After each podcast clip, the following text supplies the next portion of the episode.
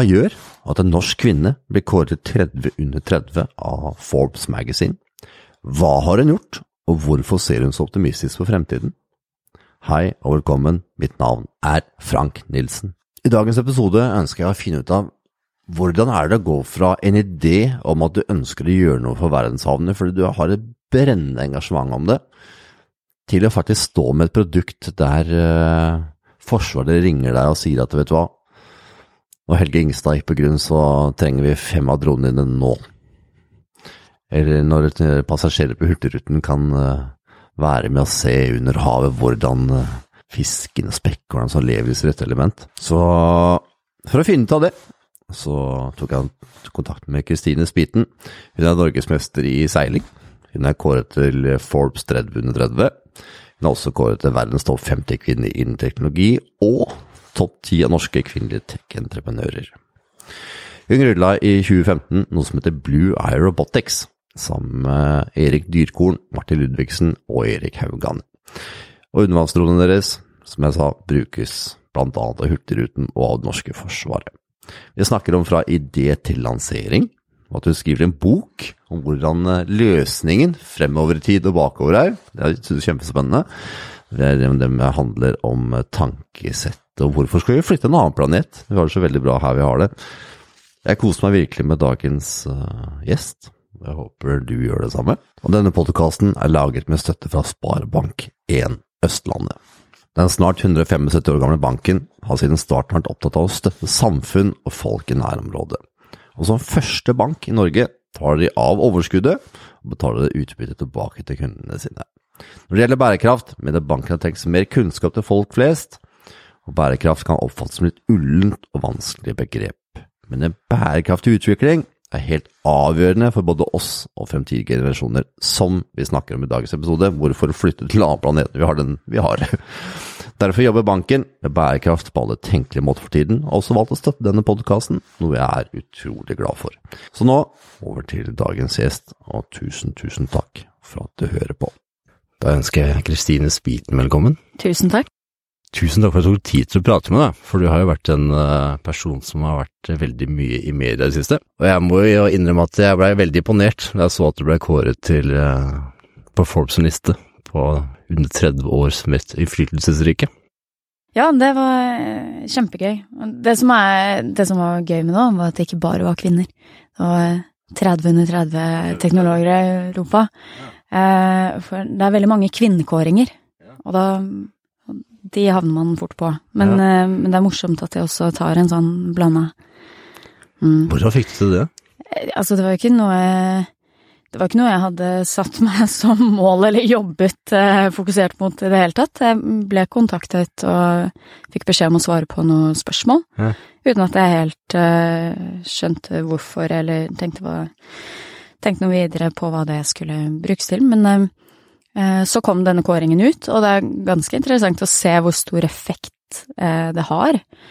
Eh, og så tenker jeg selvfølgelig at det fineste ved det er hvis man kan være med å inspirere flere unge, og også da flere, ofte jenter, da, som trenger et sånn Kanskje å se en rollemodell, eller se et eksempel på at vet du hva, tech er ikke bare for gutta. roboter er ikke bare for gutta. Altså litt sånn overtroiske eh, fenomener som, som, man kanskje har hatt en tendens til å tro. Ja. ja så hvis, man, altså hvis jeg bare kan inspirere én, så er jeg egentlig veldig fornøyd. Mm. Jeg har de samme tanker selv, jeg. Ja. Liksom får med én, så kan ene inspirere flere, og så plutselig mange som er inspirert. Ja. For de som ikke har hørt om deg før, mm. eh, hva er grunnen til at du havna på sånn liste? Det er at jeg eh, var med å starte opp et selskap som heter Blue Eye Robotics, Eh, vi utvikler undervannsdroner som tar deg med ned på 150 meters eh, dyp eh, fra din egen smarttelefon, for du, du slipper å dykke selv. Men denne styrer du på samme måte som en flyvende drone, egentlig, og får live video opp til telefon eller tablet, eller Og det er jo en helt ny måte å oppleve havet på. Så jeg tror at vi har truffet på på det at eh, vi, her kommer vi ikke bare med et produkt og en ny dings, men vi kommer med en ny opplevelse, en ny mulighet for flere til å kunne utforske havet. Hva skiller disse fra disse mini-ubåtene som vi hørte om før, som har vært eh, UAV eller hva? ROV, ROV ja. eh, Remotely Operated Vehicle. Ja. Um, nei, altså, før vi startet opp Blue Eye, så hvis vi spoler tilbake til 2012, så hadde jeg et internship for Kongsberg Oil and Gas Technologies. Ja. Um, på et samarbeidsprosjekt de hadde med den gang Statoil. Og det var første gang jeg fikk se disse ROV-ene. Eh, og de er noen store, fæle, klumpete greier som bare er spekket opp eh, på teknologi for å kunne gjøre en masse avanserte målinger, inspeksjonsarbeid eh, og greier under vann. Eh, som industrien har benyttet seg av i, i mange tiår. Eh, men det har jo aldri vært tilgjengelig for mannen i gata, eller for de som ikke har spesialkompetanse eh, innenfor det feltet. Så, så det gjorde jo at ok, havutforskning, da, det er begrenset til industrien, og så har du sånn eh, James Cameron og enkeltpersoner som har fryktelig mye penger og en, eh, og en plan, um, så, som får tilgang på noe tilsvarende. Men eh, så det handlet egentlig om, om eh, Altså, havet er jo så viktig. Det er jo så viktig å ta vare på det, eh, og for de aller fleste så er havet en overflate. Så det som er helt sprøtt, egentlig. ja, det er jo helt sprøtt, og vi alle kommer fra havet. Vi er dønn avhengige av havet. Uten havet så hadde ikke kloden vår vært det den er. Den dekker over 70 altså, av jordas overflate videre. Mat, energi, medisiner, transporter, altså oksygen. Så, så vi er nødt til å ta bedre vare på det, og det starter jo med å forstå det bedre, men jeg tror at hvis man skal ta det helt, helt, helt ned på eh, basic nivå, altså som starter det med å skape en relasjon til havet. Knytte folk tettere på havet, for du er nødt til å bry deg. Det er ingen som går rundt og tar vare på eller endrer masse vaner eh, for noe de ikke har noe forhold til. Så jeg tenker at eh, hvis det starter med å se, da, og ikke bare se på en BBC-dokumentar eller eh, eh, For det blir så fjernt, men hvis du kan eh, ha et øye under vann selv. Det var tanken bak eh, Blue Eye. Og dere brukte blant annet eh, denne Eller en drone, eller? Drone, ja. ja. Når, eh, ja, når fregatten gikk på, på grunn. Ja, det, det, ja, det er jo egentlig ikke noe å le av, men jeg tror Blue Eye Det var litt å le av det. Eye er vel eh, en av de svært få som eh, ikke var glad for at Helge Ingstad gikk på grunn, eh, men det var jo en veldig fin eh, måte å vise fram ja, rett og slett hvor, hvordan produktet vårt, eller hvordan undervannsroen kan brukes, da. Og hvor robust den er, og at når Forsvaret ringer oss og ber om hei, du, vi Nå har vi behov for fem av disse undervannsroene deres. Eh, ASAP. Fordi vi skal inn og inspisere torpedorommene, kamrene i skipet, og vi trenger noe som er enkelt nok, raskt nok, eh, som hvem som helst som er på vakt kan eh, deploye eller kaste ut i eh, sjøen når været tillater det. Ikke sant? For det er jo det det handler om ofte, er jo det at du må ha noe som, som er tilgjengelig, eh, og som hvem som helst kan bruke. Og så er, det, så er det en liten sak, da. Den kommer til på plasser som ikke disse store ROV-ene Hva tenkte du når du hørte at Forsvaret ringte og ville ha fem stykker av det? Nei, da må vi jo bare levere, da. Eh, det er klart, ja. Det var en, en veldig viktig, viktig eh, sak, viktig Ja. formål. Spennende også å få Ja. teste det på den måten. Og så er det jo Ja, som sagt, det viser jo at, eh, at det vi har laget, er mer enn eh, bare et leketøy. Ja, for det er litt uh, søkelig dette, da. Mm. Følte du noe sånt oi, nå har vi virkelig kommet opp på et eh, nivå her når Forsvaret ringer og sier at jeg skal fem stykker av det nå. Ja, ja, men klart det. Eh, De har jo tilgang på det mest avanserte utstyret som fins. Mm. Men det er ikke alltid at det trenger å være det mest avanserte og dyreste utstyret. Det ga de mestringen det, eller? Det ga Ja. godfølelse, det. Klart det. Hele teamet var veldig fornøyd, fornøyd med det. Og fantastisk eh, innsats også av, kollegaer som eh, heiv seg rundt og sørget for at de fikk levert disse dronene raskt. Hvor mange er dere? Nå er vi ca. 30. Mm. Så mange? Ja. Så vi sitter eh, en gjeng på noen og tjue oppe i Trondheim, der har vi hovedkontor. Um, og så har vi nå også et, åpnet et kontor i Oslo ganske nylig. Med et salgs- og markedsteam. Hvordan føles det ut å ha starta det her, da? Du, det er jo kjempegøy. Å, er det? ja. Det er, jeg føler meg veldig heldig, eh, og har lært vanvittig mye. Eh, både om eh, samarbeid, eh, om det å gå fra en idé, en visjon, eh, og hva det faktisk eh, krever å, å bygge opp et selskap. Eh, og hente inn finansiering, eh, og sørge for at man hele tiden tetter i eh, gapene på kunnskap og kompetanse som dukker opp, fordi man Du må jo stadig kunne mer og mer, fant vi ut. Altså, vi var jo fire stykker som, eh, som startet opp. Um, Erik Dyrkorn, som er CEO. Uh, Martin Ludvigsen, professor fra Amos på NTNU. Uh, og så fikk vi god hjelp av Erik Haugane, som trodde på teamet og trodde på ideen, og var med og gjorde det mulig ved å legge penger på bordet eh, fra start, sånn at vi kunne bygge et team av disse menneskene som vi skjønte at vi trenger. Dette er ikke noe, dette er ikke noe du kan drive med som en sånn liten, liten gjeng. Uh, det er ganske kostbar produktutvikling. Det vil jeg tro. Mm. Hvilke egenskaper er du eh, tenker selv at du har, som har gjort at du har klart å få deg gjennom sammen med teamet selvfølgelig? Jeg, til å begynne med, så, så er det det å si ja til muligheter. Um, og se muligheter. Og ikke tenke at jeg må være en ekspert for å kunne gjennomføre de oppgavene man, som ligger foran deg, men uh, tenke at det her, det er bare å brette opp ermene, og så lærer du underveis. Ja. Um, men også være tydelig på hva man uh, ikke kan, Ja. sånn at du sørger for å få inn den kompetansen og stille spørsmål og være ja, åpen eh, Mm. og ærlig om det. Eh, Også det å bygge eh, tillit, og ikke gi opp. Mm. Um, det er jo typisk sånne gründer... Altså, man skal være allsidig og litt potet, Ja. og så skal du være, ha en viss mengde stå-på-vilje og stahet. Ja, for den der med aldri gi opp er jeg litt nysgjerrig på. Mm. Er det fra, har du noen bakgrunn innen idrett, eller har du gjort noe som gjør at du er en sånn person som ikke gir opp selv om at det stormer mye foran deg? Ja, jeg har drevet konkurranseseiling siden jeg var liten.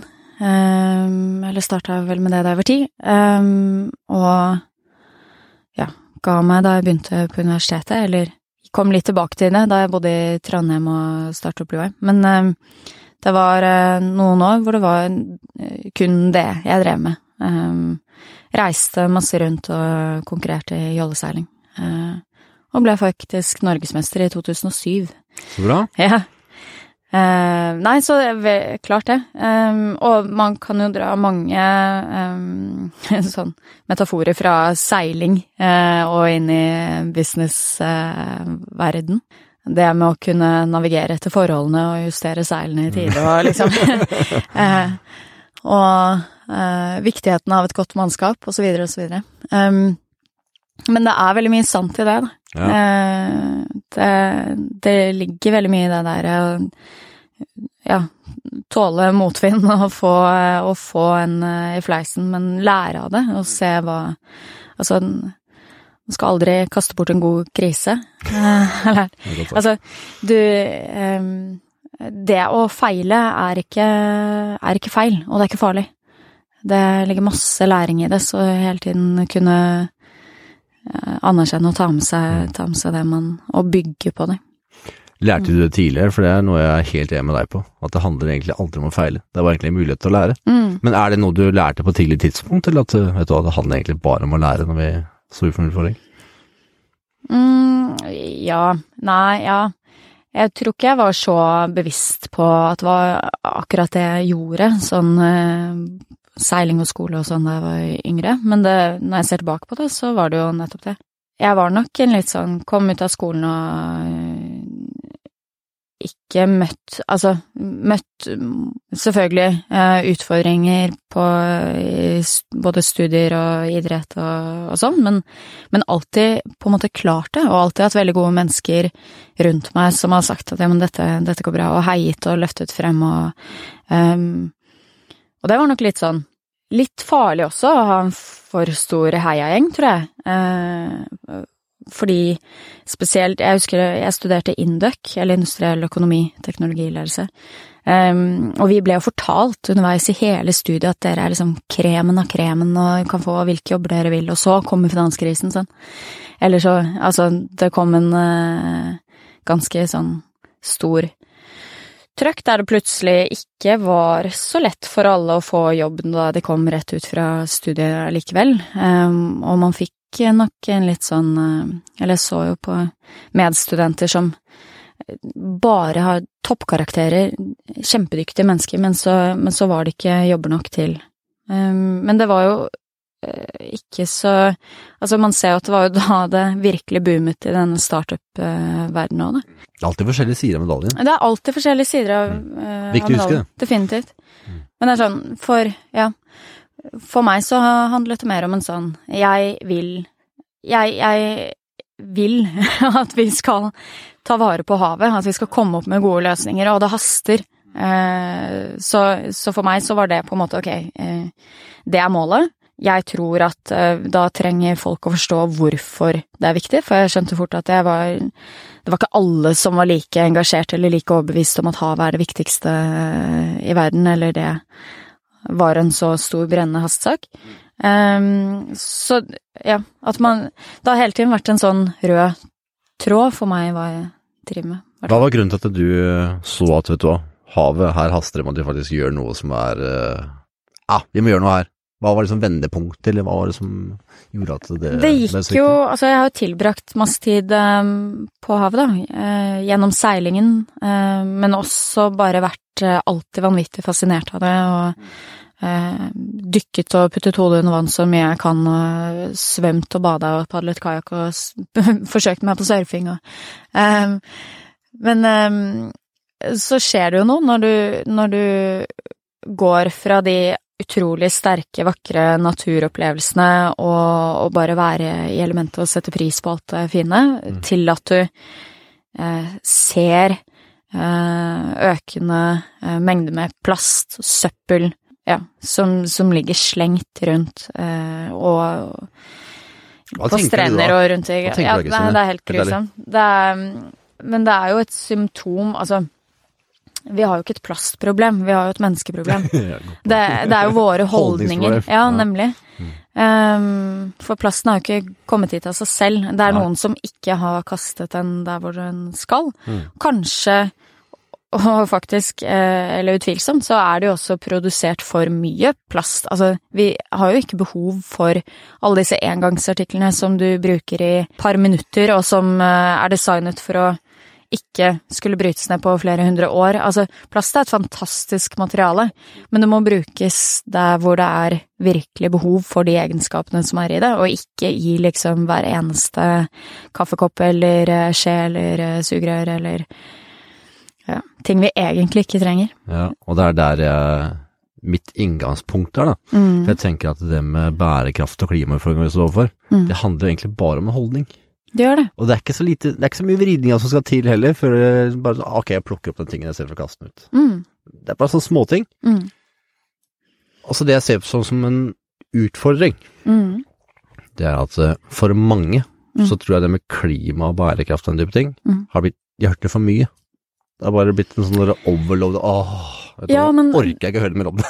også, også fordi at eh, ofte når man hører om klimautfordringer og miljøutfordringer, så er det jo Det er jo negativt. Det er jo Det handler jo bare om hvor vanskelig det er. Mm. Um, hvor håpløst det er, hvor uh, store negative effekter uh, vi ser av det vi gjør. Altså, det er veldig uh, sånn streng pekefinger ja, og moralske taler, og mm. det er på en måte ok, greit, flott. Vi, altså, alle faktaene må på bordet, og det er fint, men nå går vi jo nesten som sånn summende roboter alle sammen og gjentar liksom ok, det er mer plast enn fisk i havet innen 2050. Altså vi går liksom og gjentar liksom, vi, har, vi har fått inn fakta.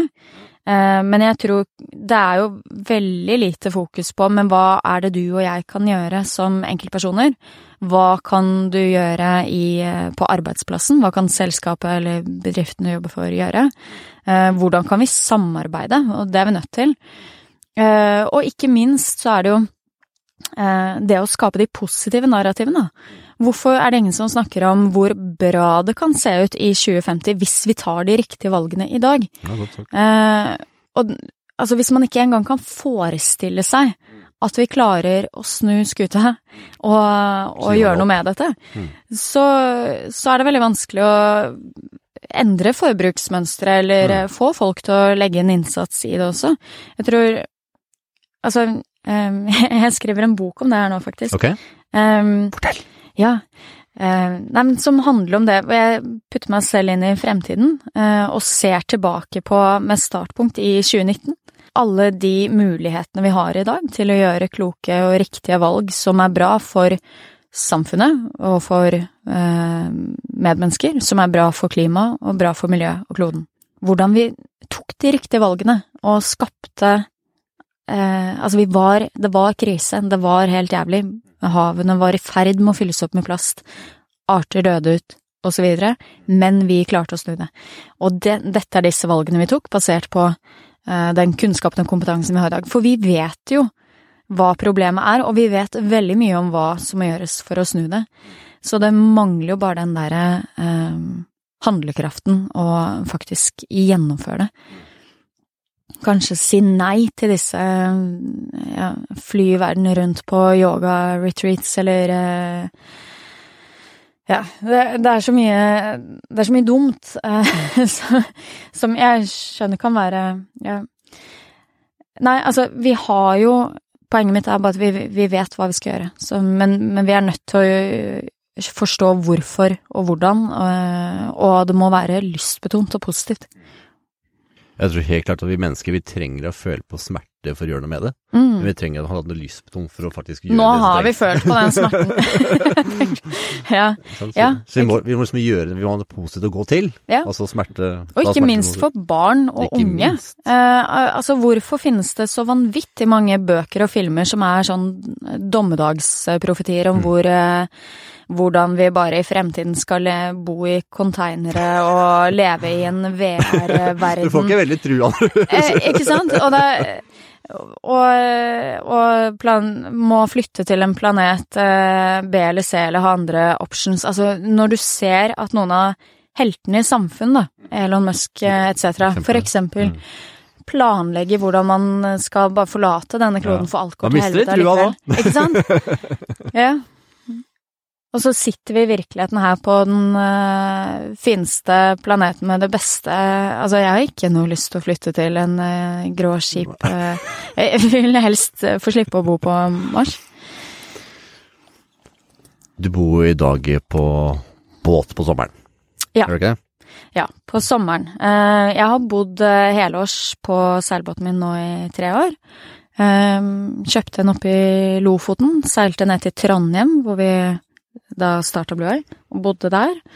Og så seilte jeg ned til eh, Oslo i fjor eh, sommer, så nå ligger den her. Eh, Men så konverterte jeg til, til å bli landboer i vinter. Men, men nå kjenner jeg at det klør litt når sola kommer fram og det er finvær og får litt brakksyken oppi For det er, jeg er litt spent på det her, skjønner du. Mm. For jeg har tenkt litt på det selv i det siste. Jeg Ja. har sett noen som bor på båt. Mm. Så det, mm, det var deilig å stå opp om morgenen og kjenne den godfølelsen. Bare, du hører havet, og du måtte høre alle lydene som er rundt. Som ikke er trafikkstøy og alle typer ting. Hvordan er det å gå fra å leve på en båt og over til å skal i en leilighet? Hva er det du føler at du mista når du ikke tok eh, det valget? Det er jo noe veldig fint med å bo i båt eh, på den måten at alt er så enkelt. Du har kun det nødvendigste, for du har ikke noe plass til noe ekstra eh, stæsj, altså ting, eh, klær, eh, møbler. Så hele livsstilen din eh, ved å bo på båt blir veldig fin, syns jeg. Så det der med å kunne Nei, sommerhalvåret, da. Eh, eller det halvåret hvor det er sånn Hvor det i hvert fall ikke er is på vannet rundt her. Det å starte dagen, eh, som du sier, eh, med liksom bølgeskvulp og måkeskrik og Mm. Stupe uti, eh, ta et morgenbad, eh, og så sykle inn til eh, byen. Um, det er jo være veldig sånn fin eh, start på dagen. Det er veldig, det. veldig, deilig. Og det er jo klart at det har jeg ikke. Jeg, jeg har ikke strandtomt eh, på den eh, leiligheten jeg har kjøpt. Men den ligger veldig tett innpå en elv, da. Så det er faktisk sånn at det, altså, det, er faktisk sånn at det overdøver Jeg hører ikke trafikken, jeg hører elva. Eh, Så det var fint. Eh, Men eh, ja, det er jo mye travlere. Eh, Jeg syns jo det å bo på båt er Det ble på en måte mitt avkoblingspunkt. Um, spesielt da jeg bodde i Trondheim, eh, og det var veldig, veldig intenst eh, med jobbing med Blue Eyes, så var det på en måte fra tidlig om morgenen til sent på kvelden, og det å komme hjem og kunne bare dra ut på fjorden, eh, late som det ikke var dekning, eller i hvert fall legge den telefonen Ja. langt vekk. Eh, Det var deilig. ja, og bare se liksom inn på land og se at der er de. Mm. Og der, der surrer de rundt. Eh, Veldig travelt og, og trafikk og sjass. Og, og her er jeg, og her er det bare stille og deilig og hav og ja, det jeg vil av eh, bok og musikk og mat. Og så, ja. Så det ble en veldig fin sånn eh, Litt sånn Man, man snakker om digital detox, eh, og det ble det. Bare for det er helt unaturlig å sitte der ute og følge med på telefonen, var helt uinteressant. Ja, og bare kunne fullføre sine egne tankerekker uten den konstante eh, inputen, eh, hvor du deler opp fokuset ditt på alle mulige plattformer på en gang, og egentlig ikke får tenkt ut noe nytt, eller komme på noen nye ideer eller eh, løsninger på noe som helst. Det blir jo egentlig bare kaos, tenker jeg. Hvis man ikke får liksom Det eh, blir får veldig litt oversikt. fragmentert. Ja. Og så følte jeg, jeg Jeg fikk litt sånn Det gikk opp for meg på et tidspunkt at jeg Nå er det skikkelig lenge siden jeg har kommet på en ny idé. Nå sitter jeg bare her og klipper og limer fra andres ideer, og det er jo for så vidt Kan jo bli til noe nytt, det òg, men bare det å kunne ja, tenke gjennom, fullføre en tankerekke fra A til Å, og, og tillate seg selv å senke pulsen og senke skuldrene og få den eh, gode Og bare være, ikke hele tiden skulle gjøre. ja, for vi er veldig flinke til å pålegge oss selv skal gjøre hele tida. Ja, Framfor å nyte og ja, ja. være til stede. og det er på en måte blitt en sånn målestokk på jo mer du gjør, eh, jo mer vellykka eller jo eh, jo mer får du Mm. til, og det, ja, det tror jeg ikke noe på. Hvordan var følelsen når dere lanserte deres første produkt, og du hadde endelig klart å skape noe du selv hadde vært med å tenke på, mm. og som kunne gjøre at mennesker nå endelig satte pris på det som eh, de kunne, hva skal jeg si, oppdage verden. Mm. Verden vi ikke har oppdaga så mye hvis ikke vi har dykka ned der. Mm. Det er jo um, Helt siden vi starta Blue Eye, sommeren-høsten 2015, så har vi jo vært helt åpne om hva som er ideen, hva som er målet, hva som er visjonen, hva vi holder på med å utvikle og skape.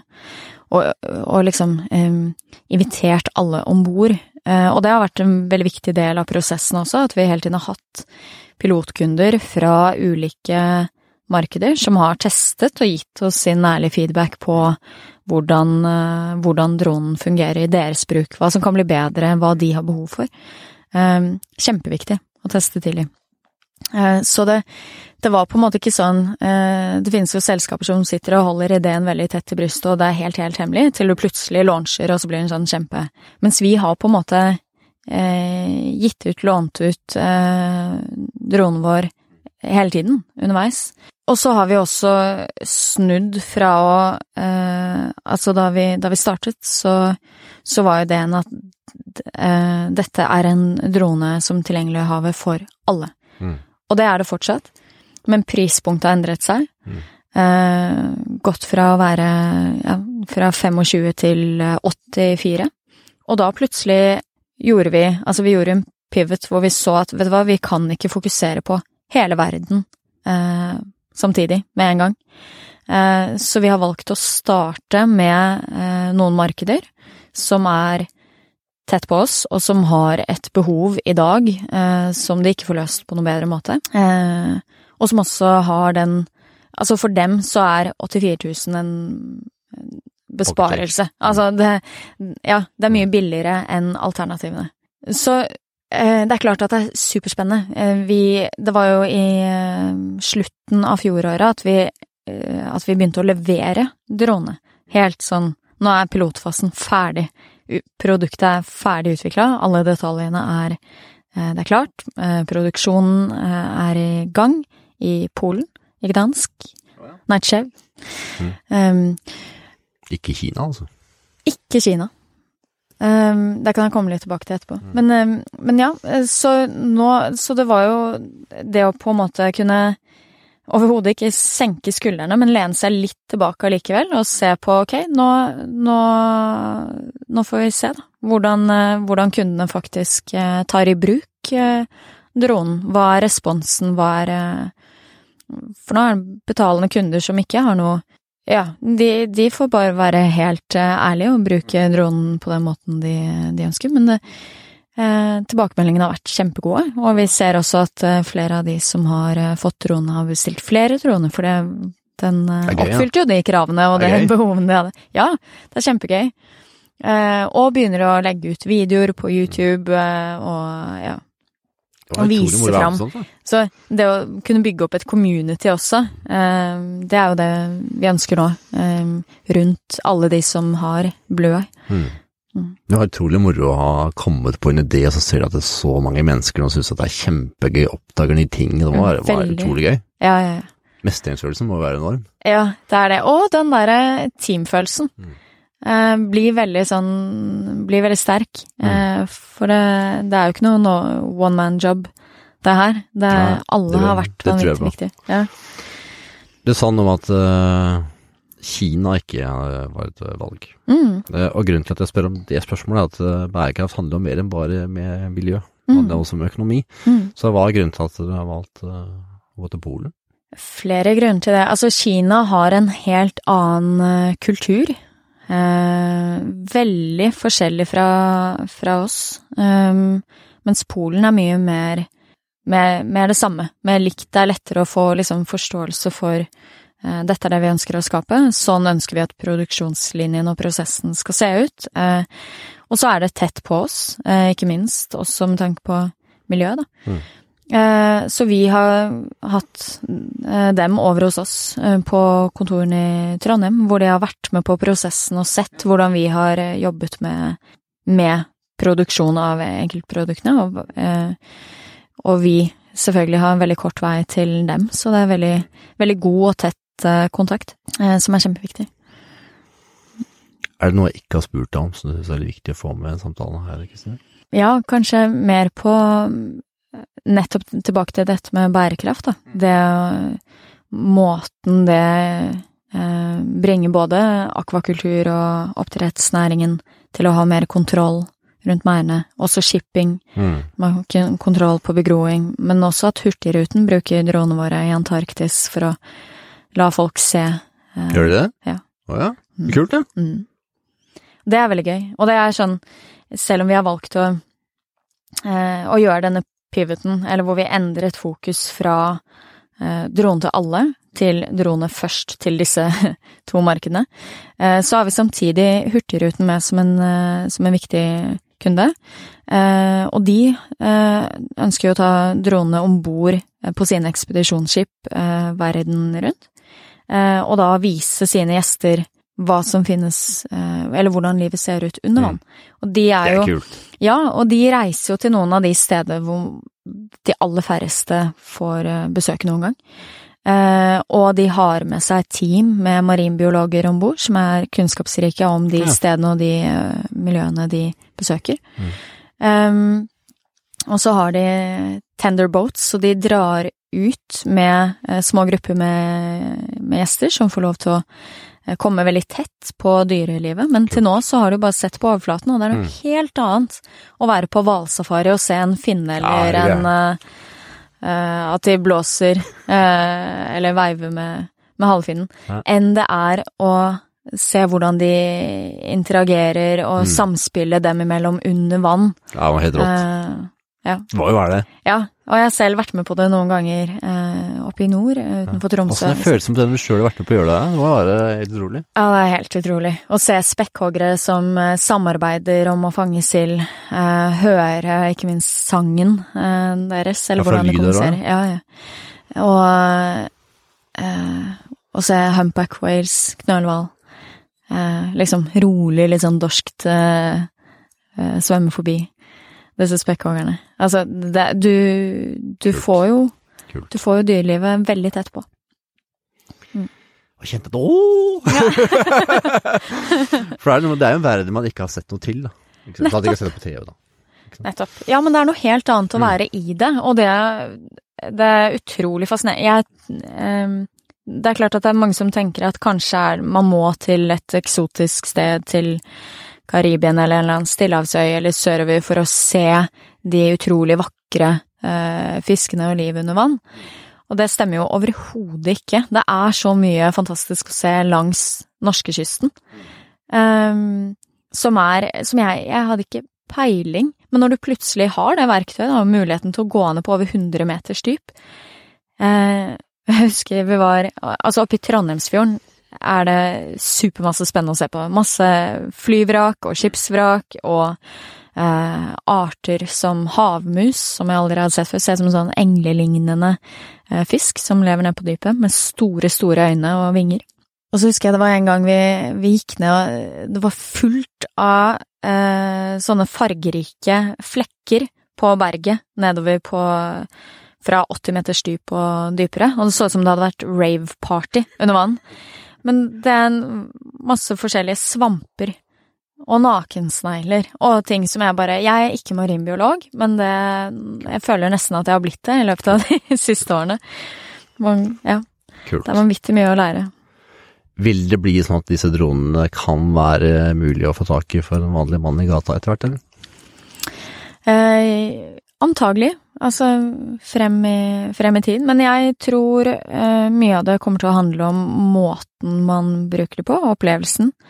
Ikke nødvendigvis eh, kanskje sånn at eh, hver eneste mann i gata skal ha hver sin drone, men at man kan gjøre det på en smart måte i forhold til hvordan kan én drone distribuere opplevelser til eh, flere. Eh, og også folk som ikke, som ikke nødvendigvis opererer den selv. Vi får se. Det er mange muligheter eh, som vi undersøker nå. Som siste spørsmål, hva Vi var litt innpå det i stad, Mm. eh, det med tankesett og hva kan man gjøre og sånn. Mm.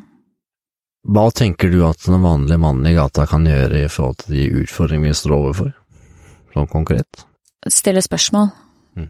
tror jeg kanskje er det viktigste. Mm. Um, Hvilke spørsmål da?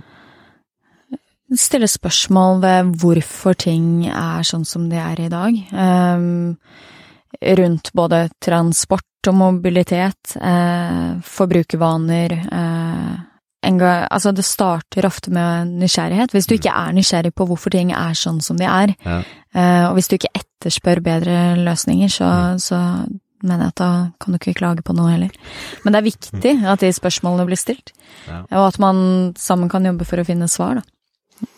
Hvor kan man følge deg i sosiale medier, og hvor kan man følge dere? da? BlueEye Blueye har en egen hjemmeside, blueye.no eller blueyerobotics.com. Um, og så er vi til stede på Facebook, på Instagram. Uh, Blueye har også fantastisk mange fine videoer ute på YouTube. Ok, Mm.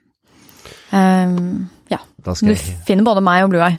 da skal jeg helt klart finne ut, finne ut og se på de bildene, og videoen ikke minst. ja, gjør det. For nå ble jeg veldig spent på rave-party under Rave party under vann, eller uh, filme skøyteturer under isen. Uh, det, det ligger noen fantastisk kule vrakdykk og ja. Whatever. You name it. Altså alt. Eh, Skattejakt Ja, det skattejakter. Det er det første jeg tenker på. Mm. Tusen takk for at du tok deg tid til å prate med meg, Kristine. Tusen takk for at jeg fikk komme. Det var hyggelig. Ha det bra.